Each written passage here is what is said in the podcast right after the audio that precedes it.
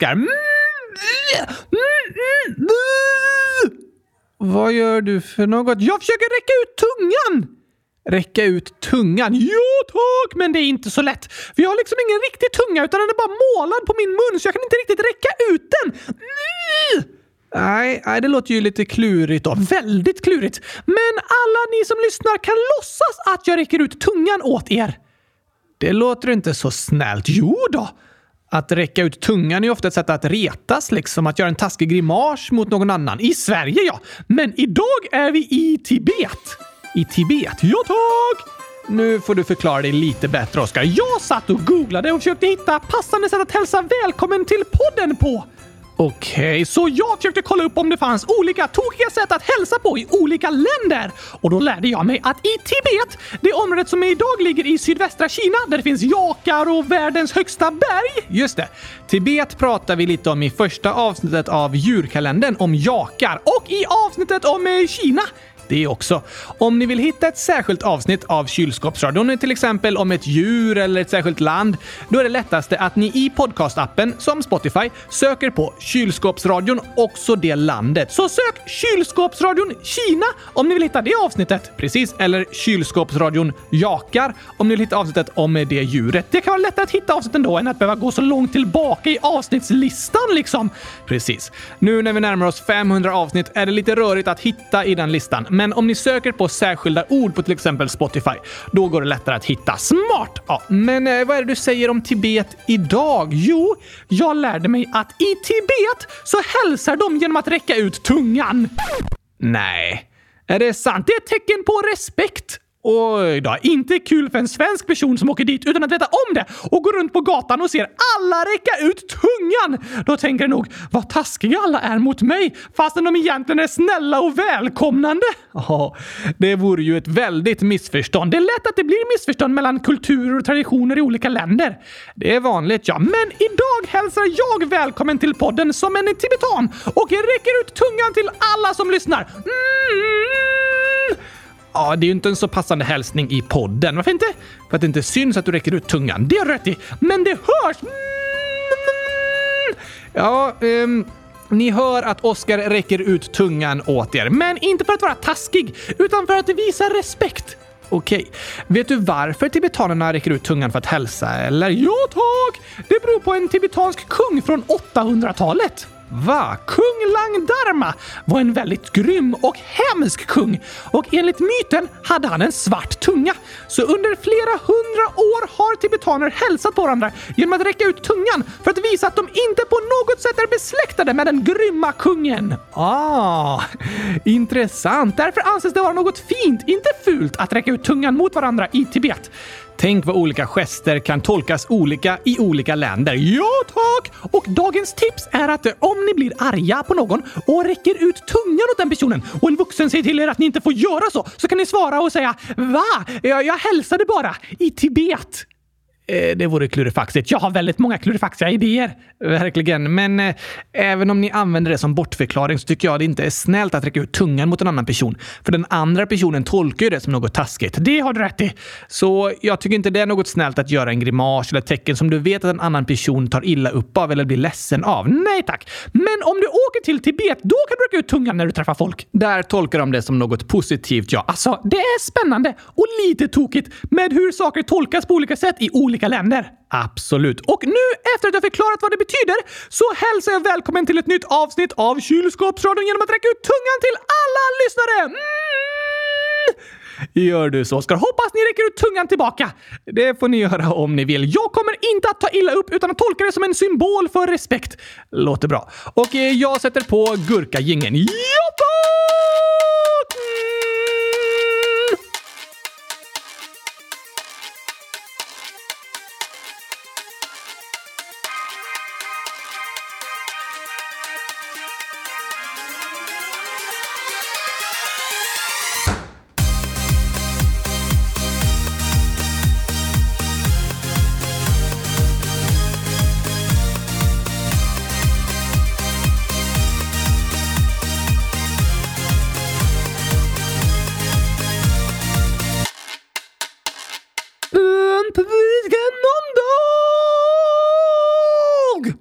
Och äntligen avsnitt 100 360 av Kylskåpsradion. Woho! Du behöver inte prata med tungan ut i hela avsnittet, Oskar. Säkert? Ja, okej. Okay. Då poppar in den igen. Mm. Tokigt att det låter så när jag pratar när jag bara har en målad tunga. Eller hur? Men du Oskar, även om vi gjort snart 500 avsnitt så är det ett avsnitt som sticker ut i popularitet. Det stora gurkaglassavsnittet! Eh, nej, okej. Ett annat specialavsnitt, nämligen det stora avsnittet om dinosaurier. Just det!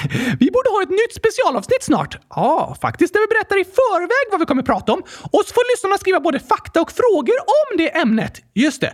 Kom gärna med förslag på vad vi skulle kunna ha som nästa stora specialavsnitt. Ja, tack! Men det är ju som sagt väldigt många av våra lyssnare som är väldigt intresserade av dinosaurier och lär sig mycket om dem och tycker det är spännande berättelser. Det är ju faktiskt spännande. Det håller jag med om. Men i morse läste jag en nyhet som jag tänkte att jag därför skulle berätta om i podden. Har en T-rex rymt från urtiden och promenerar runt på stan? Eh, nej, dinosaurierna kan inte rymma från urtiden på samma sätt som ett djur kan rymma från en djurpark. Sant! Men det har upptäckts tre nya dinosauriearter. Va? I Skåne? I Sverige? Ja, det var i oktober i höstas som nyheterna först publicerades om en utgrävning i Skåne som pågått i hemlighet i sex år, där de hittat fyra ton dinosaurieben. Oj då! Det var ett stenbrott i Billesholm i Bjuvs kommun, nära Helsingborg. Så det har bott dinosaurier i Helsingborg? Ja, på samma plats, men innan det blev Helsingborg. Ja, just det. Men nu har en paleontolog på Uppsala universitet analyserat dinosauriebenen som upptäckts. Pallar han inte göra det? Eh, va? Ja, du sa att det var något han inte pallade göra. Nu förstår jag inte riktigt. Ja, du menar att det var en paleontolog? Ja, tack! Nej. En paleontolog är en person som forskar på förhistoriskt liv, organismers utveckling och så. Bland annat dinosaurier. Aha! Och kallas de så för att när en annan forskare kommer till dem och säger “Här har du fyra ton ben som är flera hundra miljoner år gamla som du ska analysera” så svarar de med att säga “Ah, palla” Nej, de kallas inte för paleontologer för att de inte pallar med sitt yrke. Låter så. Jag förstår vad du menar. Men att bli paleontolog är ju ett ganska vanligt drömyrke bland barn som är väldigt intresserade av dinosaurier. Det har du rätt i! Och i Uppsala är det en polsk paleontolog som har varit ansvarig för att analysera de nya fynden i Skåne och upptäckt att de tillhör tre dinosauriearter som forskarna inte tidigare kände till. Oj, oj, oj! Vad har de fått för namn då? De har inte fått sina slutgiltiga namn än, men har så kallade arbetsnamn. Vad är det? Det är liksom när du börjar med ett projekt så kan du ge det ett arbetsnamn i väntan på att du ska hitta ett eh, bra namn. Aha! Hade kylskåpsradion ett annat namn från början? Nej, faktiskt inte. Till en början var dock kylskåpsradion ett arbetsnamn. Det var inte säkert att det var det podden skulle heta till slut. Men vi började med att kalla den det när vi planerade och sen så insåg vi att det namnet var bäst i test. Det fanns inget bättre! Typ så ja. Jag hade dock som förslag att den skulle heta Oscar är bäst-podden, men eh, det är inte riktigt lika catchy. Nej, och lite egocentriskt kanske, men det är ju en ganska egocentrisk podd, så det hade ändå passat bra. ja, det är sant att du pratar ganska mycket här i podden om hur fantastisk du är. Men som tur är pratar vi om annat också, som om hur fantastiska kylskåp är! Därför är Kylskåpsradion ett passande namn. Precis. Men de tre nyupptäckta dinosauriearterna har fått varsitt arbetsnamn i väntan på att få sina riktiga namn. Vad heter de då? De heter Skånesaurius 1, Skånesaurius 2 och Skånesaurius 3. Nej, alltså Skånesaurius var ändå ett tokigt namn. Ja, det håller jag med. Men att kalla dem för 1, 2 och 3, inte särskilt kreativt. Inte direkt. Det finns ju jättemånga andra namn de hade kunnat heta istället. Vad då? Till exempel, äm, är de växtätare? Två av dem är växtätare och en köttätare. Okej, okay, då kan en av växtätarna heta Gurkasaurius. Såklart. Den andra Kylskåpsaurus. Ja, och den tredje... Hundratusennaurius! Det var tokiga dinosaurienamn. Erkänn att de i alla fall är bättre än Skånesaurus 1 och 2 och 3. Ja, jag förstår vad du menar. Skånesaurius eh, tycker jag också var ett tokigt namn, men just att de heter 1, 2 och 3 kanske inte är så roligt. Jag har en idé, Gabriel. Okej, okay. våra lyssnare är ju väldigt kreativa. Verkligen. Och tycker om att ha omröstningar. Ja, så alla lyssnare kan skriva förslag på sina bästa dinosaurienamn i frågelådan så har vi en omröstning med dem sen. Det låter skojigt. Och sen när vi har tre vinnare så skickar du ett mail till paleontologen i Uppsala och berättar vilka namn de nya dinosauriearterna ska få. Bra idé, Oskar. Ja, tack! Det är ju inte säkert att de kommer använda förslagen vi röstar fram i podden. Nej, men vi kan i alla fall höra av oss och berätta vilka förslag som vunnit vår omröstning. Absolut. Då gör vi så att ni lyssnare skriver era bästa förslag på dinosaurienamn i frågelådan. Ni behöver inte komma på tre namn för att skriva. Det räcker att skriva ett, för de kommer ändå bara vara med ett, 1 i omröstningen. Ja, precis. I omröstningen skriver vi varje namn för sig, liksom. så det kan hända att det blir tre olika personers förslag som vinner. När lägger vi ut omröstningen? Um, nästa vecka, tycker jag. Så ni har en vecka på er att skriva era förslag i tid så att de är med från omröstningens start. Och sen lovar du att du skickar ett mejl till paleontologen i Uppsala och berättar om de tre vinnarna. Ja, det lovar jag att göra. Så får vi se vad han svarar då. Oj, oj, oj, oj, oj! Spännande! Tänk att vi i kylskåpsradion får vara med och ge namn på nya dinosauriearter. Alltså, jag tror tyvärr inte att de kommer att välja något av de namnen vi röstar fram, men vi kan ju föreslå dem i alla fall. Och så kanske vi får lära oss mer om hur det går till när de namnger olika dinosaurier. Jag tror att en av dem kommer få namnet Gurkasaurus och den kommer bli kändare än Tyrannosaurus rex. Ja, kanske det. Vi får se, Oskar. Men skriv era bästa dinosaurienamnförslag i frågelådan så startar vi omröstningen nästa vecka. Woho! Häftigt att de hittat nya dinosauriearter i Sverige! Eller hur?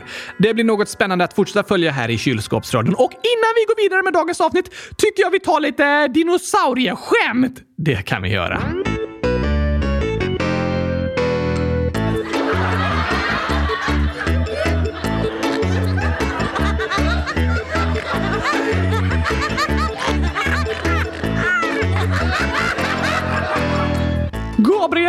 Vad kallas den roligaste dinosaurien? Hmm. Eh, rolig... Nej, jag vet inte. Skrattosaurus! Ja, såklart. Fast det borde väl vara andra som kallas skrattosaurusar när de lyssnar på den roliga dinosauriens skämt. Sant! Den får heta Tyrannosaurus spex och alla dess vänner kallas skrattosaurusar för de skrattar åt Tyrannosaurus spex skämt. det var passande namn. Men vet du vad en tacosätande dinosaurie kallas? Mm, är den växtätare då? Alltså att den äter grönsakerna i tacosen? Den äter både och. Okej, allt finns i tacos. Ja, det är sant. Eh, kan den heta tortilla någonting? Eller kanske nachosaurus? Nej tack. Då vet jag inte, Oskar. Den kallas Tyrannosaurus tex-mex. Okej, okay, låt som ni gillar Tex-Mex. En T-Tex-Mex? Absolut. Men eh, vet du varför museum har utställningar med gamla dinosaurieben? För att det är intressant och populärt? Nej. Okej, okay, varför har de det då? För att de inte har råd med nya. Ah, du menar att det är därför de har gamla dinosaurieben? Ja, tack! Ah, det är inte riktigt sant. Nej, men det var ett tokigt svar. Absolut. Alltså, museum är motsatsen till mobiltelefoner. På vilket sätt menar du nu? Alltså, desto äldre en mobil blir, desto mindre värd blir den. Ja, de nyaste kostar ju mest, men på ett museum blir sakerna mer och mer värda desto äldre de är. Ja, jag förstår vad du menar. En tusen år gammal bok är värd jättemycket, men en en vecka gammal bok är inte alls populär att se på ett museum. Nej. Det är ju för att det inte finns så många tusen år gamla böcker. Så de blir väldigt unika och värdefulla och spännande att se på. Sant! Det finns väldigt många en vecka gamla böcker. Det gör det verkligen. Men vilken är världens äldsta bok? Oj, det finns det lite olika åsikter om. Bland annat beroende på vad som räknas som en bok. Eh, flera sidor med text på som sitter ihop. Det är väl en bok? Ja, eller bilder som motsvarar text. Ja, det också. Det är ungefär den definitionen som används. Och år 1955 i Bulgarien. 1955? Det är bara 70 år sedan. Finns inte äldre böcker än så? Jo, Oskar. Men år 1955 så byggde de en kanal i Bulgarien. En tv-kanal. Nej, alltså en sån kanal som är fylld med vatten som båtar åker i. Som en flod ungefär. Ah, jag fattar. Och när de grävde den kanalen så hittade de en gammal grav långt ner i marken. Okej? Okay? Och i den graven hittade de en liten, liten bok gjord av guld. What? Den vägde totalt 100 gram och bestod av sex sidor som var gjorda av guld och sammanlänkade med ringar. Hur stora sidor? De var 5 cm långa och 4,5 cm breda. Det var en liten bok, verkligen. Men väldigt värdefull värdefull eftersom sidorna var gjorda av guld istället för papper. Oj, oj, oj, oj! Det hade varit dyrt att köpa en tusen sidor lång bok gjord av guld. Eller hur? Men vad står det i den gamla guldboken då? Det är en slags eh, religiös bok som handlar om orfisism, en lite mystisk grekisk religionsform från 600-talet före Kristus. Oj då! Antagligen beskriver boken en begravningsritual. På sidorna syns bilder av präster, en häst och ryttare, en sjöjungfru, en harpa och soldater och skrift på det nu utdöda språket etruskiska. Hur gammal är boken då? Gissningsvis från 500 eller 600-talet före Kristus. Så 2600 år gammal! Ungefär ja. Det är en gammal bok! Visst är det, men hade dinosaurierna inga böcker? Eh, nej, det hade de inte. Hur vet du det? De kanske hade böcker gjorda av papper som har förmultnat. Jag är ganska säker på att dinosaurierna inte läste böcker, men du var inte där på den tiden, så du kan inte veta. Eh, nej, det kan jag ju inte. Det upptäcks ju fortfarande nya dinosauriearter, så kanske upptäcks det snart dinosaurieböcker också. Det tror jag inte. Jag tror det kan hända. Vi får se. Men har du några fler dinosaurieskämt då? Ja, tack! Vilka dinosaurier har de bästa radioprogrammen? Oj, radioprogram, att de snackar i mikrofon... Eh, jag vet inte. Sauropoddarna! ja, de långhalsade dinosaurierna heter ju sauropoder. Precis! Låt som de har bra poddar. Sauropoddar! Verkligen. Vi borde bjuda in en brachiosaurus i podden någon gång. Ja, det är ju en sauropod, så det hade passat, eller hur? Men vad kallas en dinosaurie som låter mycket när den sover? Hmm. Eh, låter mycket. Snarkar då, eller? Ja, tack! Eh, du får berätta. En Tyrannosnarkus väx. Tyrannosnarkus väx. Den väcker alla andra när den snarkar så högt, låter det som. Hur vet du att det är en dinosaurie i kylskåpet? Eh, jag vet inte. Det går inte att stänga dörren. Såklart inte. Men varför har en Brontosaurus en så lång hals? Ja, det är väl för att kunna äta löv och så högt upp på träden. Eller? Nej tack. Nej. Varför har den en så lång hals då? För att den har så fruktansvärt stinkande fotsvett. det var en lite tokigare förklaring. Ja, för att den försöker få näsan så långt bort från fötterna. Ja, tack! Här är en utmaning! Okej, okay. säg tio dinosaurier på tre sekunder. Okej, okay, eh, T-rex, Brachiosaurus, Triceratops, Brontosaurus. Slut! Fast det är omöjligt att hinna med. De har så långa namn också. Det är jätteenkelt. Kan du säga tio dinosaurier på tre sekunder? Ja, tack! Okej. Okay. Klara, färdiga, kör! Nio triceratops och en velociraptor! Alltså, superenkelt! Jag visste inte att jag fick säga nio av samma. Ja, men det gäller att tänka klurifaxigt, Gabriel. Ja, jag får bli bättre på det. Ett till skämt. Vilken dinosaurie tycker om varm dryck? Varm dryck? Eh, kaffesaurus? Eh, ja!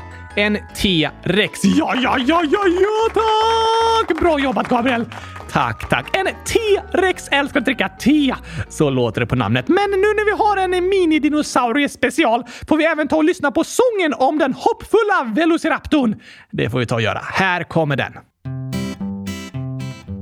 En, två, tre, oh, oh. Det var en gång en Velociraptor som hade mycket hopp. Hon hoppade så hoppade tills benen de sa stopp. Då satte hon sig ner och lyssnade på hiphop. Men hennes pappa gillar hoppra så de lyssnar ej i hopp. Hoppsan, sa pappa, vad tiden har gått. Du måste skynda dig, du ska tävla i längdhopp. Förhoppningsvis du hinner om du hoppar riktigt fort. Annars hoppa på tåget och åk med det dit bort. Dam, dam, dam, dam, dam, dam, dam. Kommer inte tredje versen nu, Oskar? Nej, vi hoppar över den! Aha, nu kör vi istället! Med hipp-hopp i lurarna, hon hoppar full av hopp. Hon hoppades på guld när plötsligt det sa stopp! En gren in i ögat Velociraptorn hade fått. Hoppsan sa, det kommer gå bra, sa de i ambulansen. På sjukhuset hon fick besöka en hopptiger. Hopptigern sa att de göra en operation. Förhoppningsvis vi klarar att ditt öga sy ihop. Din syn blir bra, sa optiken. Hon hade mycket hopp. Och optiken klarar väl operationsförloppet. Och vi kan lära oss att vi aldrig ska förlora hoppet.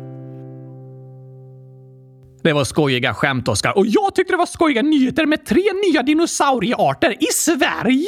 Visst var det. Men ska vi ta och läsa upp lite lyssnarinlägg i dagens avsnitt också? Det tycker jag låter bra. Det är väldigt många som skriver om att de har det tufft i skolan. Det är väldigt tråkigt att höra. Ja, verkligen.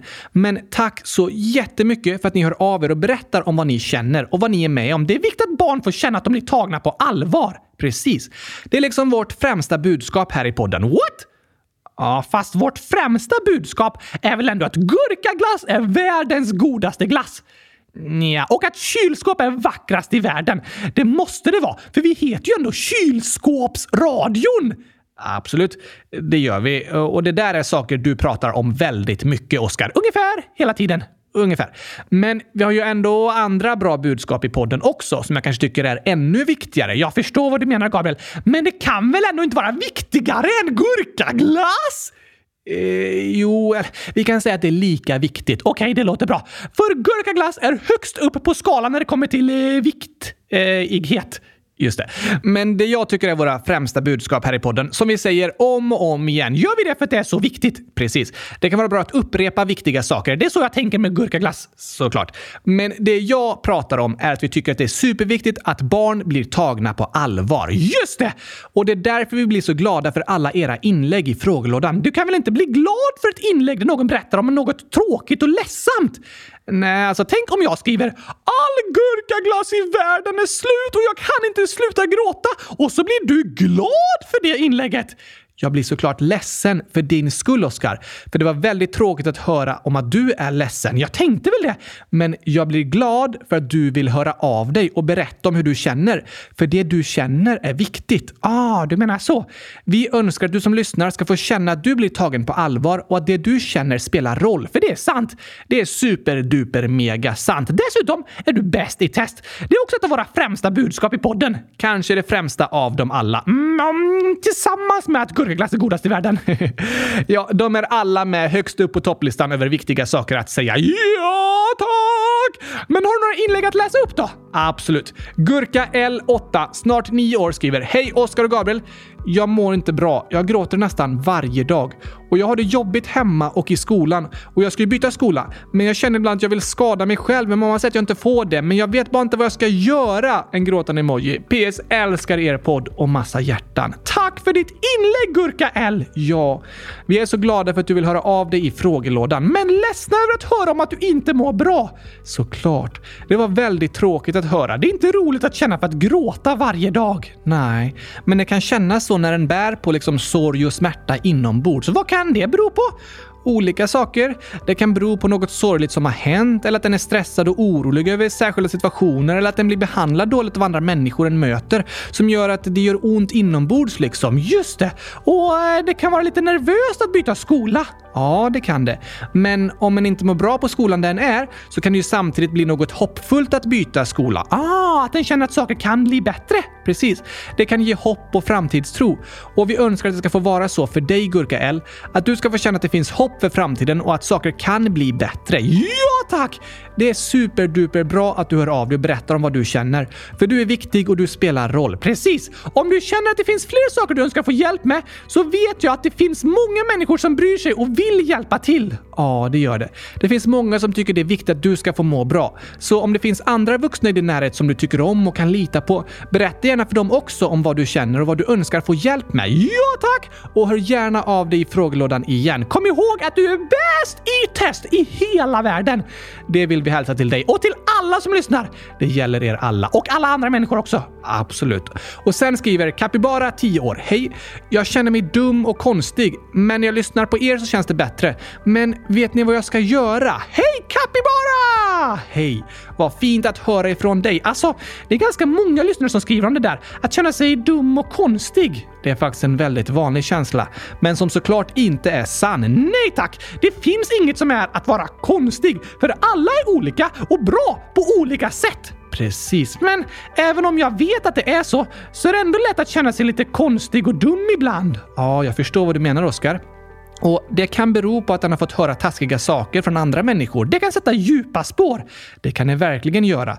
Jag har under stora delar av min uppväxt känt mig lite ensam och utanför. Som att jag inte riktigt passat in. Och Många av de känslorna berodde på att jag redan i mitt första år i skolan blev stämplad som äcklig av en klasskompis. Och Sen så höll liksom alla i klassen med om det och började undvika mig och inte vilja vara med mig. Oj då! Det kan räcka med en sån händelse för att det ska sätta djupa spår igen. Det kan få en att må dåligt och tvivla på sig själv Just det! Känslan att vara konstig levde kvar hos mig väldigt länge. Och sen kunde det hända andra saker senare med nya kommentarer från andra klasskompisar som också gjorde att jag inte kände att jag passade in eller att ingen riktigt tyckte om mig. Så kommentarer från andra människor kan påverka vad en tänker om sig själv. Absolut. Sådana kommentarer påverkar oss väldigt mycket. För ofta går vi runt och oroar oss för vad andra tänker om oss och därför kan vi överanalysera andras kommentarer och även en liten taskig kommentar kan göra väldigt ont och finnas kvar inom oss väldigt länge. Det har du rätt i! Andras kommentarer kan få oss att tro saker om oss själva som inte är sanna. Som att vi är konstiga och annorlunda och inte passar in. Men det är inte sant! Nej, det är det inte. Men sådana känslor kan även höra ihop med höga krav på sig själv och skamkänslor och skuldkänslor. Aha, typ att vara besviken på sig själv. Just det. Men vad går det att göra då för att det ska kännas bättre? Målet är ju att vi alla ska få känna inombords att jag är bra så som jag är. Just det!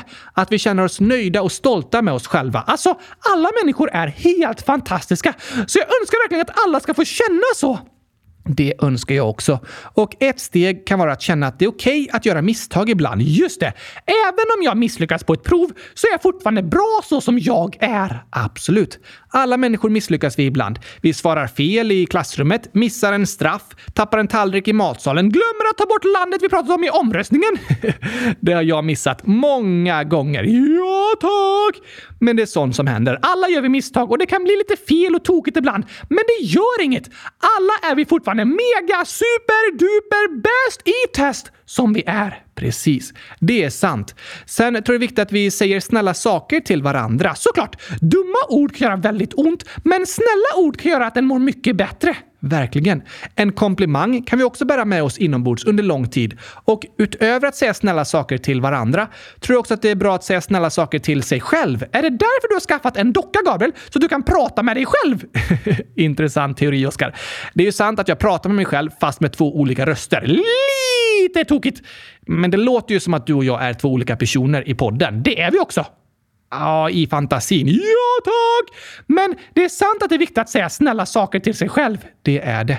Vi kan lätt vara kritiska mot oss själva och peka ut misslyckanden eller sånt vi tycker är fel med våra kroppar eller personligheter. Men det är viktigt att även säga snälla saker till oss själva. Att vi är uppmuntrande och positiva mot oss själva. Precis! Tack för ditt inlägg Capybara! Det var något väldigt viktigt att prata om. Verkligen. Och till dig och till alla som lyssnar som känner likadant vill vi säga att du är helt gurkastiskt bra som du är. Ja, tack. Du är bra, du är snygg, du är smart, du är cool, du passar in. Det vill vi att du ska få höra. Sen så har vi ett inlägg från Supergurkan 15467309758, 7 år, som skriver “En i min klass mobbar mig. Jag blir ledsen då och jag vet inte vad jag ska göra. Det förstår jag att du blir ledsen av, Supergurkan! Verkligen. Det är inte okej okay att de gör så mot dig. Nej tack! Jag blir också väldigt ledsen när andra är taskiga mot mig. Såklart. Så känner alla människor och dockor och dockor. Vad går det att göra då? Det är superbra att du hör av dig och berättar om vad som händer Supergurkan. Ja tack! För det är viktigt att andra får höra om vad du är med om så att de kan hjälpa dig. Just det! Så fortsätt gärna prata med andra vuxna om vad som har hänt och be om hjälp och stöd. Vill de hjälpa till? Ja, det finns många som vill hjälpa och stötta dig. Och jag hoppas att du ska känna att eh, du blir tagen på allvar och att de lyssnar på det du vill berätta för dem. Ja tack! Det är viktigt. Väldigt viktigt. Tack för att du hörde av dig Supergurkan! Hundratusen tack! Men du Oskar, vi har ju lyssnare i alla olika åldrar. Från 0 till 100 000 år. Nej, inte riktigt så gammalt. Eh, jo tack! 100 000 är faktiskt den vanligaste åldern av alla som skriver i frågelådan. Ja, fast det är ju lyssnare som kallar sig för 100 000 år gamla. De är inte det på riktigt. Vadå inte på riktigt? Det står ju det! Ja, men människor kan inte bli 100 000 år gamla. Inte? Nej, hur vet du det? Det vet jag. Det kanske går, fast ingen har lyckats än. Ja, genom hela historien har människor sagt “Det där går aldrig” tills det faktiskt går. Ja, det har du rätt i. Hundratusen år är dock väldigt gammalt. Jag tror det är möjligt. Okej, okay, kanske. Men i alla fall så ska jag nu läsa upp ett inlägg från en av de yngsta lyssnarna som någonsin skrivit i frågelådan. Oj, oj, oj! Det är Birk, 4 år, som skriver “Jag vill att ni ska prata om flygplan. Jag lyssnar på er när ni gör programmet. Jag har en T-rex hemma hos mig. Hälsningar från Birk.” En T-rex? Hemma? Det låter läskigt. Hoppas du gömt dig under sängen när du skriver det här Birk, så att inte T-rexen hittar dig! Alltså, jag tror inte det är en levande dinosaurie som bor hemma hos Birk, utan en T-rex-figur som inte är farlig. Ah! Det låter faktiskt skönare, eller hur? Även om det hade varit coolt med ett livslevande T-rex. Det hade också varit häftigt. Men bra förslag med flygplan! Verkligen. Det är också ett exempel på något som människor sa “Det där går aldrig” tills det faktiskt gick. Det har du rätt i. Och vi har gjort ett specialavsnitt om flygplan. Just det, nummer 100 164 om Spirit of St. Louis. Precis. Lyssna gärna på det, Birk. Det handlar om flygplanets historia och om när Charles Lindbergh var den första att ensam flyga över Atlanten. Oj, oj, oj. Snacka om spännande! Det var det verkligen. Men kan vi inte ta lite flygplansfakta idag också? Jo, visst. Våra lyssnare tycker ju om olika världsrekord och jag har hittat ett häftigt världsrekord i att kasta pappersflygplan längst från ett berg. Nej, alltså du får inte stå på någon slags höjd, utan du står på marken och kastar pappersflygplanet därifrån. Hur långt är rekordet? Det var tre studenter som studerar flyg och maskinteknik som använde sina kunskaper för att vika ett pappersflygplan i ungefär samma form som hypersoniska flygfordon. Oh, hypersoniska flygfordon! Låter lite coolare än pappersflygplan. det håller jag med om. Hur gick det för dem då? Efter att de kommit fram till den perfekta designen så tränade de i fyra månader på att kasta flygplanet. Tränade på att kasta? Alltså så att det kastades i perfekt vinkel med så mycket kraft som möjligt som gav det fart framåt och så. Ah! Sen var de redo för världsrekordförsöket och lyckades kasta ett pappersflygplan 88,31 meter. What? Det är väldigt, väldigt långt. Imponerande världsrekord faktiskt. Det håller jag med om. Och om du tycker om att flyga i flygplan, flyga i pappersflygplan? Nej, det går inte. Nej, jag menar flyga i ett riktigt flygplan. Då kan du försöka slå världsrekordet för världens längsta flygning utan stopp. Hur många timmar är den? 64 dagar, 22 timmar och 19 minuter. Huh? Va? Hur då? Det är ett gammalt rekord slaget redan år 1959 när Robert och John flög runt i ett litet propellerflygplan med fyra platser i, i över 64 dagar. Hur är det möjligt? Det är ett helt galet rekord faktiskt. De turades om att styra och sova i bakdelen av planet, men det var svårt att sova gott för ett sånt gammalt propellerflygplan låter väldigt högt. De måste blivit helt galna av det höga ljudet. Det hade jag i alla fall blivit. De hade med sig en campingtoalett också som de kissade och bajsade i plastpåsar i. Sen när en påse var fylld så knöt de ihop den och släppte ut över öknen i Arizona där de flög omkring. Hoppas det inte var någon som kampade i öknen och fick en bajspåse i huvudet. Nej, det hade inte varit roligt. Och de var inte så högt upp med flygplanet utan de höll sig ganska nära marken hela tiden. Så de kunde se till att de inte kastade bajs på någon. Vad bra! Låter lite som en nedskräpning dock. Ja, alltså det här är inte direkt till historiens mest miljövänliga världsrekord. Nej tack! Hur räckte ens bensinen i över 64 dagar? Det gjorde den inte, utan de tankade flygplanet medan det flög. Hur då? Det var alltid dramatiskt att genomföra. Det var en liten tankbil som körde på en lång raksträcka genom öknen i Arizona och så flög flygplanet riktigt lågt och de langade upp en slang till flygplanet som de kunde tanka med. Så bilen och flygplanet behövde ha exakt samma hastighet? Ja, och så satt de ihop med en slang ett tag medan flygplanstanken fylldes. Oj då! De skickade även upp vatten till flygplanet då och då så de skulle kunna tvätta sig och ha något att dricka. Skönt! De hade byggt en liten plattform utanför passagerarsätet där de kunde sitta och tvätta sig. Så de duschade på en vinge medan flygplanet var i luften. Eh, typ ja, fast de kunde inte direkt eh, duscha. Men vad åt de för något? De fick mat från en restaurang uppskickad till flygplanet när de tankade. Det lät ju gott! Ja, fast eh, maten hade fått mosas ihop och läggas i termosar. Va? Så de lättare kunde skickas upp till flygplanet. Så det var nästan som att de åt barnmat på burk.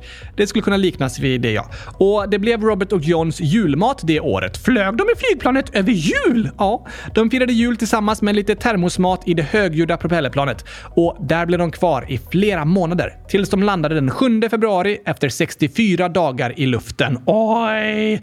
Då behövde de bäras ut ur planet för de hade mer eller mindre suttit ner i två månader. Det mår nog inte kroppen så bra av. Nej, inte direkt. De hade inte kunnat sträcka på sig eller gå runt i planet, så deras kroppar mådde inte särskilt bra. Alltså, det finns vissa helt galna världsrekord. Visst gör det. Och eh, det finns en anledning till att ingen har slagit det här rekordet på 65 år. Det är ingen som vill slå det. Nej, inte med en bemannad flygning. Men häromåret var det nära att det obemannade flygplanet Sefyr som drivs av solceller slog rekordet. Aha! Så det behövde aldrig stanna för att tanka? Nej, precis. Sefyr är ett plan som drivs helt av solenergi och det hade varit uppe i 64 dagar, 18 timmar och 26 minuter när det oväntat kraschade också över öknen i Arizona. Det var bara fyra timmar från att slå rekordet! Ja. Tror du att det var John och Robert som sköt ner det så att deras rekord inte skulle bli slaget? Eh, nej, jag tror inte de sköt ner planet.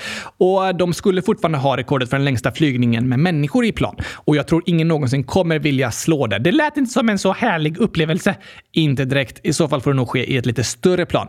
Men på dagens avsnittsbild kan ni se en bild från Howard W. Cannons flygmuseum som visar hur flygplanet tankas samtidigt som det är i luften. Oj, oj, oj! Lite häftigt. Väldigt häftigt faktiskt. Tack för ditt inlägg Birk och ditt förslag om att prata om flygplan igen. Så roligt att du tycker om att lyssna på podden! Det gjorde oss väldigt glada att höra. Och nu nu tycker jag det passar att lyssna på I drömmar kan alla flyga. Det passar ju helt perfekt, Oskar. Jag tror vi kan.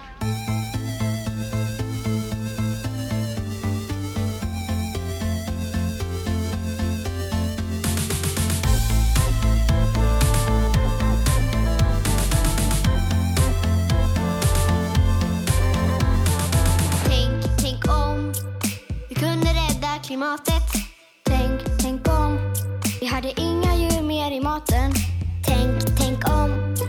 Jag accepterar så som jag är. Tänk, tänk om jag blir en tandlopp och en konstnär. Jag drömmer om att alla får en katt med gosig päls. Alla borde ha det gosigt. Jag drömmer om en plats där jag får vara mig själv. Det kanske låter otroligt, men tänk på att i drömmar kan alla flyga. Möjligt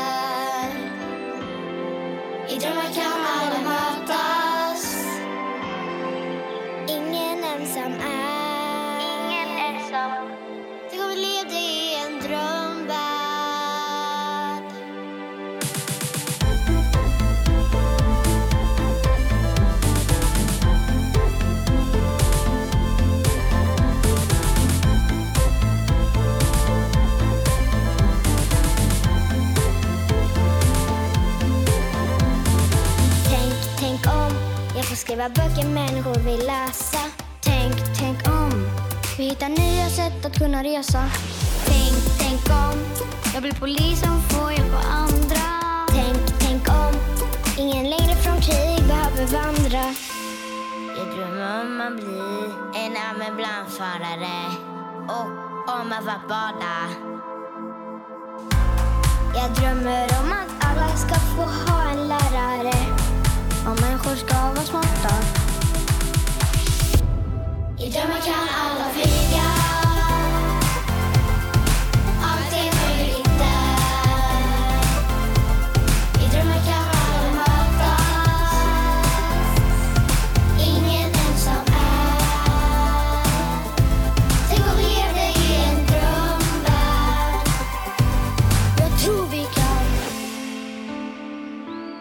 Även om man ser ut på ett speciellt sätt så är man ju lika mycket värd. Det är trappor ner till gympasalen. Det tycker jag är lite dåligt. Ja, jag är vegetarian. För att jag tycker synd om djuren. Det är som att de inte har tänkt på så här, ja men här börjar vi med rullstol liksom. Jag älskar att dansa. Man får röra på sig och man släpper tankarna och ja, allt. Man får inte sig lika mycket lön som killar. Om man inte tänker på klimatet så tänker man inte på oss själva. För det är ju farligt för oss också. Och alla är ju ändå innerst inne ganska lika. Två dagar i veckan borde vi typ äta lite mer grönsaker istället för kött. Det är jättemycket krig och så just där de bor. Så kanske de kommer till exempel till Sverige och så säger de att de inte kan komma in i landet när det är barnets bästa. Lagar är liksom till för att följas, men eh, det blir inte alls så. I drömmar kan alla flyga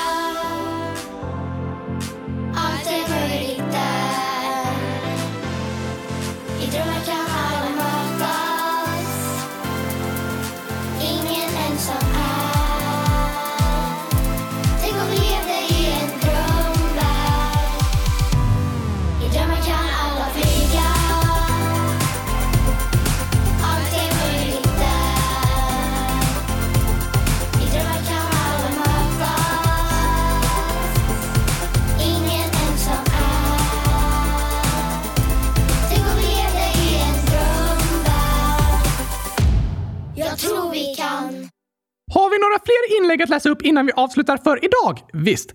Det här är ett inlägg som lyssnaren önskat att du ska läsa upp, Oskar. Okej. Eddie, 10 år, skriver Hej! Jag brukar lyssna på er ibland när jag spelar Fortnite. Men alla mobbar mig för det och massa ledsna emojis. Jag älskar eran podd. Snälla ta med det här. Låt Oskar läsa. PS. Hur många gurkor? Och så är det 100 991. 991 000 stycken! Wow. Hej Eddie, vad roligt att du hör av dig. Ja, ja, ja, ja tack! Och skickade 991 000 gurkor! Så snällt! Verkligen. Det var också roligt att höra att du tycker om podden, men inte roligt att höra att du blir retad för vad du väljer att lyssna på. Nej, det är inte okej att bli retad för det. Nej tack! Alla får ju välja själva vilka intressen vi har. Vad vi tycker om att kolla på, vi lyssnar på, läsa, spela och så vidare. Alltså, det är som att de som retas bara hittar på vad som helst att retas för. Fastän det egentligen inte alls är något att bli retad för. Eller hur? Det är som att de skulle kunna retas för vad som helst. Så är det nog. Så när en får höra sånt kan det vara bra att komma ihåg att det de som retas säger bara är påhitt. Det finns ingen anledning att bli retad för det. Nej tack! Men det är ändå inte roligt att bli retad. Såklart inte. Och det är inte okej okay att de gör så. Men det kan ändå vara skönt att få känna att det de som retas säger inte är sant. Just det! Och vi har även ett inlägg från Gurkaglass 100 000 år. Jag sa ju det! Så många lyssnare som är 100 000 år gamla! Eller hur? Så här står det. Jag är kär i en tjej i min klass, men vågar inte säga det. Och jag är rädd att mina föräldrar inte ska gillar det. Snälla hjälp! PS. Ni får mig att må så mycket bättre. Tack för ditt inlägg Gurkaglass 100 000! Vi är väldigt glada för att du hör av dig till oss. Det är många som är nervösa för att berätta om att de är kära. Ja, det är vanligt och ganska naturligt. Att vara kär är väldigt starka, personliga känslor och det kan kännas svårt och nervöst att öppna upp sitt inre för en annan person liksom. För då är den extra orolig att någon ska säga något taskigt. Ja, så är det nog. När en öppnar upp sitt hjärta för en annan person så är en extra rädd för att bli sårad. Men jag tror inte att dina föräldrar kommer ogilla att du är kär, Gurkaglass. Nej, att bli kär är något vi alla människor blir och det är något fint. Jag förstår att det kan kännas nervöst att ens föräldrar ska få veta vem man är kär i. Så har jag också känt. Men det är helt okej. Okay. Du får vara kär i den du är kär i. Ja, tack! Och jag hoppas och tror att dina föräldrar inte kommer ha något att säga emot det. Ibland är det som att föräldrar säger “Du är för liten för sånt där”. Ja, ni är många lyssnare som berättar om att det är svårt att prata med vuxna för att de bara säger att ni är för små för att vara kära och så. Men ingen människa är för liten för att känna känslor. Nej tack! Som barn ser livet väldigt annorlunda ut mot hur det är när en är vuxen. Och att vara kär och ha en partner går liksom också till på olika sätt. Just det! Men det betyder inte att barn inte kan känna samma slags känslor som vuxna. Alla är vi människor i olika åldrar. Och barns känslor är inte mindre eller mindre viktiga än vuxna. Såklart inte! Jag tror snarare det är så att barns känslor ofta kan vara ännu starkare än vuxnas och påverka en ännu mer. För att det kan vara svårt att sätta saker i perspektiv. Så du tycker att vuxna borde bli bättre på att förstå och respektera barns känslor? Det tror jag absolut vuxna kan bli bättre på. Och i alla fall inte säga saker som “du är för liten för det där”. För det håller jag inte med om. Fast det finns ju saker som barn är för små för att göra. Som att köra bil, Absolut, det finns saker som barn inte får göra än och som barn inte behöver oroa sig för på samma sätt som vuxna. Till exempel är det ju vuxnas ansvar att jobba och tjäna ihop pengar för att ha någonstans att bo och mat att äta och så. Just det! Så barn och vuxna har olika livssituationer och olika saker att tänka på. Men ni är många lyssnare som berättar om att ni är intresserade av saker, till exempel eh, nyheterna, eller känner vissa känslor, som att ni är kära, men att vuxna säger “det är ni för små för”. Men det är det jag inte håller med om. Okej, okay. för om en person säger “så här känner jag” så kan inte en annan person svara genom att säga “nej, det kan du inte känna”. Den har ju precis sagt att den känner så, så uppenbarligen kan den känna så. Precis. Därför hoppas jag att alla ni som lyssnar ska känna er respekterade och att vuxna tar det ni känner på allvar. Och lycka till Gurkaglass! Jag hoppas och tror att allt kommer gå superbra. Det hoppas och tror jag också. Sen är det ju också många lyssnare som berättar att eh, ni är väldigt stressade över det här med partners och att eh, vara kära och att det känns som att alla andra är ihop med någon. Just det! Men som jag brukar säga så är det ingen stress. Du behöver inte vara orolig. Det kommer att lösa sig till slut. Skönt ändå! Ja, det kan vara skönt att få höra. Så dagens reflektion är att det du känner är viktigt och du förtjänar att bli tagen på allvar. Det säger vi till dig som lyssnar. Och vi har ett liknande inlägg från Anonym Anonym Ålder som skriver “Det här inlägget hör ihop med inlägget när jag skrev att jag är kär i någon i min parallellklass. Jag är så kär i honom. Jag har varit kär i honom sedan förskoleklass.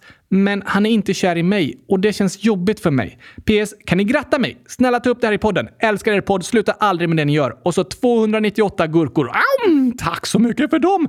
Och jag förstår att det känns som en jobbig situation, Anonym. Ja, det förstår jag också. Tack för att du skriver och berättar om den. Det är många som är ledsna över att andra personer inte är kära tillbaka. Det är det. Det är en tung känsla. Men tyvärr är det lite som ett lotteri det där med kärlek. Ibland är den andra personen kär tillbaka, ibland inte. Du är ändå bäst i test så som du är. Absolut. Och saker kan ändras. Dina känslor kan förändras och andras känslor kan förändras. Så även om det känns jobbigt just nu betyder det inte att det alltid kommer att kännas så. Det kan faktiskt ändras superfort. Just det! Och vi hoppas att allt ska bli bra för dig Anonym. Tack för ditt inlägg. Ja, tack! Och så vill vi säga gratis på födelsedagen! Woho! 100 000 grattis till dig! Hoppas du får världens bästa födelsedag Anonym med 100 000 gurkaglassar! Eller något annat gott. Det finns inget godare! Ha det bäst i test! Det hälsar vi till dig. Och Gurka Gryffindor, 8 år, skriver “Jag fyller 9 år, 8 maj. Oj, oj, oj! Det är ju idag! Det är det. Grattis, grattis, grattis, grattis, grattis, grattis, grattis, grattis på födelsedagen Gurka Gryffindor! Ha en fantastiskt härlig dag med mycket skratt och glädje och sjungande kylskåp. Det låter tokigt och vackert. Kanske det. Även Anonym Anonym Ålder skriver “Jag ska fylla åtta år och kan ni gratta mig då? Snälla, gurkorna till Oscar.” Och så är det massa gurkor plus gurkor lika med 100 000 rätt. Ja tack! Det var exakt 100 000 gurkor! Jag räknade. Då förstår jag att det blev 100 000 och jag vill säga 100 000 grattis på födelsedagen Anonym! 100 000 grattis till dig! Hoppas du får en mega gigantisk superbra födelsedag! Det önskar vi dig. Ha det bäst i höst! Ja tack. Och även kylskåpsgurkan 8 år skriver Hej! Kan ni gratta mig den 10 maj? Woho! En gurka i ett kylskåp! Vilken fantastisk födelsedag det kommer bli med det! Såklart. Hoppas du får en superhärlig dag på onsdag, kylskåpsgurkan, med mycket skratt, glädje och gurkaglass. Det önskar vi dig. Och vi önskar alla er som lyssnar en fantastiskt bra vecka, så hörs vi på torsdag! Det gör vi. Ha det bäst i test tills dess. Skriv era bästa förslag på dinosaurienamn i frågelådan. Just det. Så startar vi omröstningen nästa vecka. Tack och hej dinosauriegurkapastej! Hej då!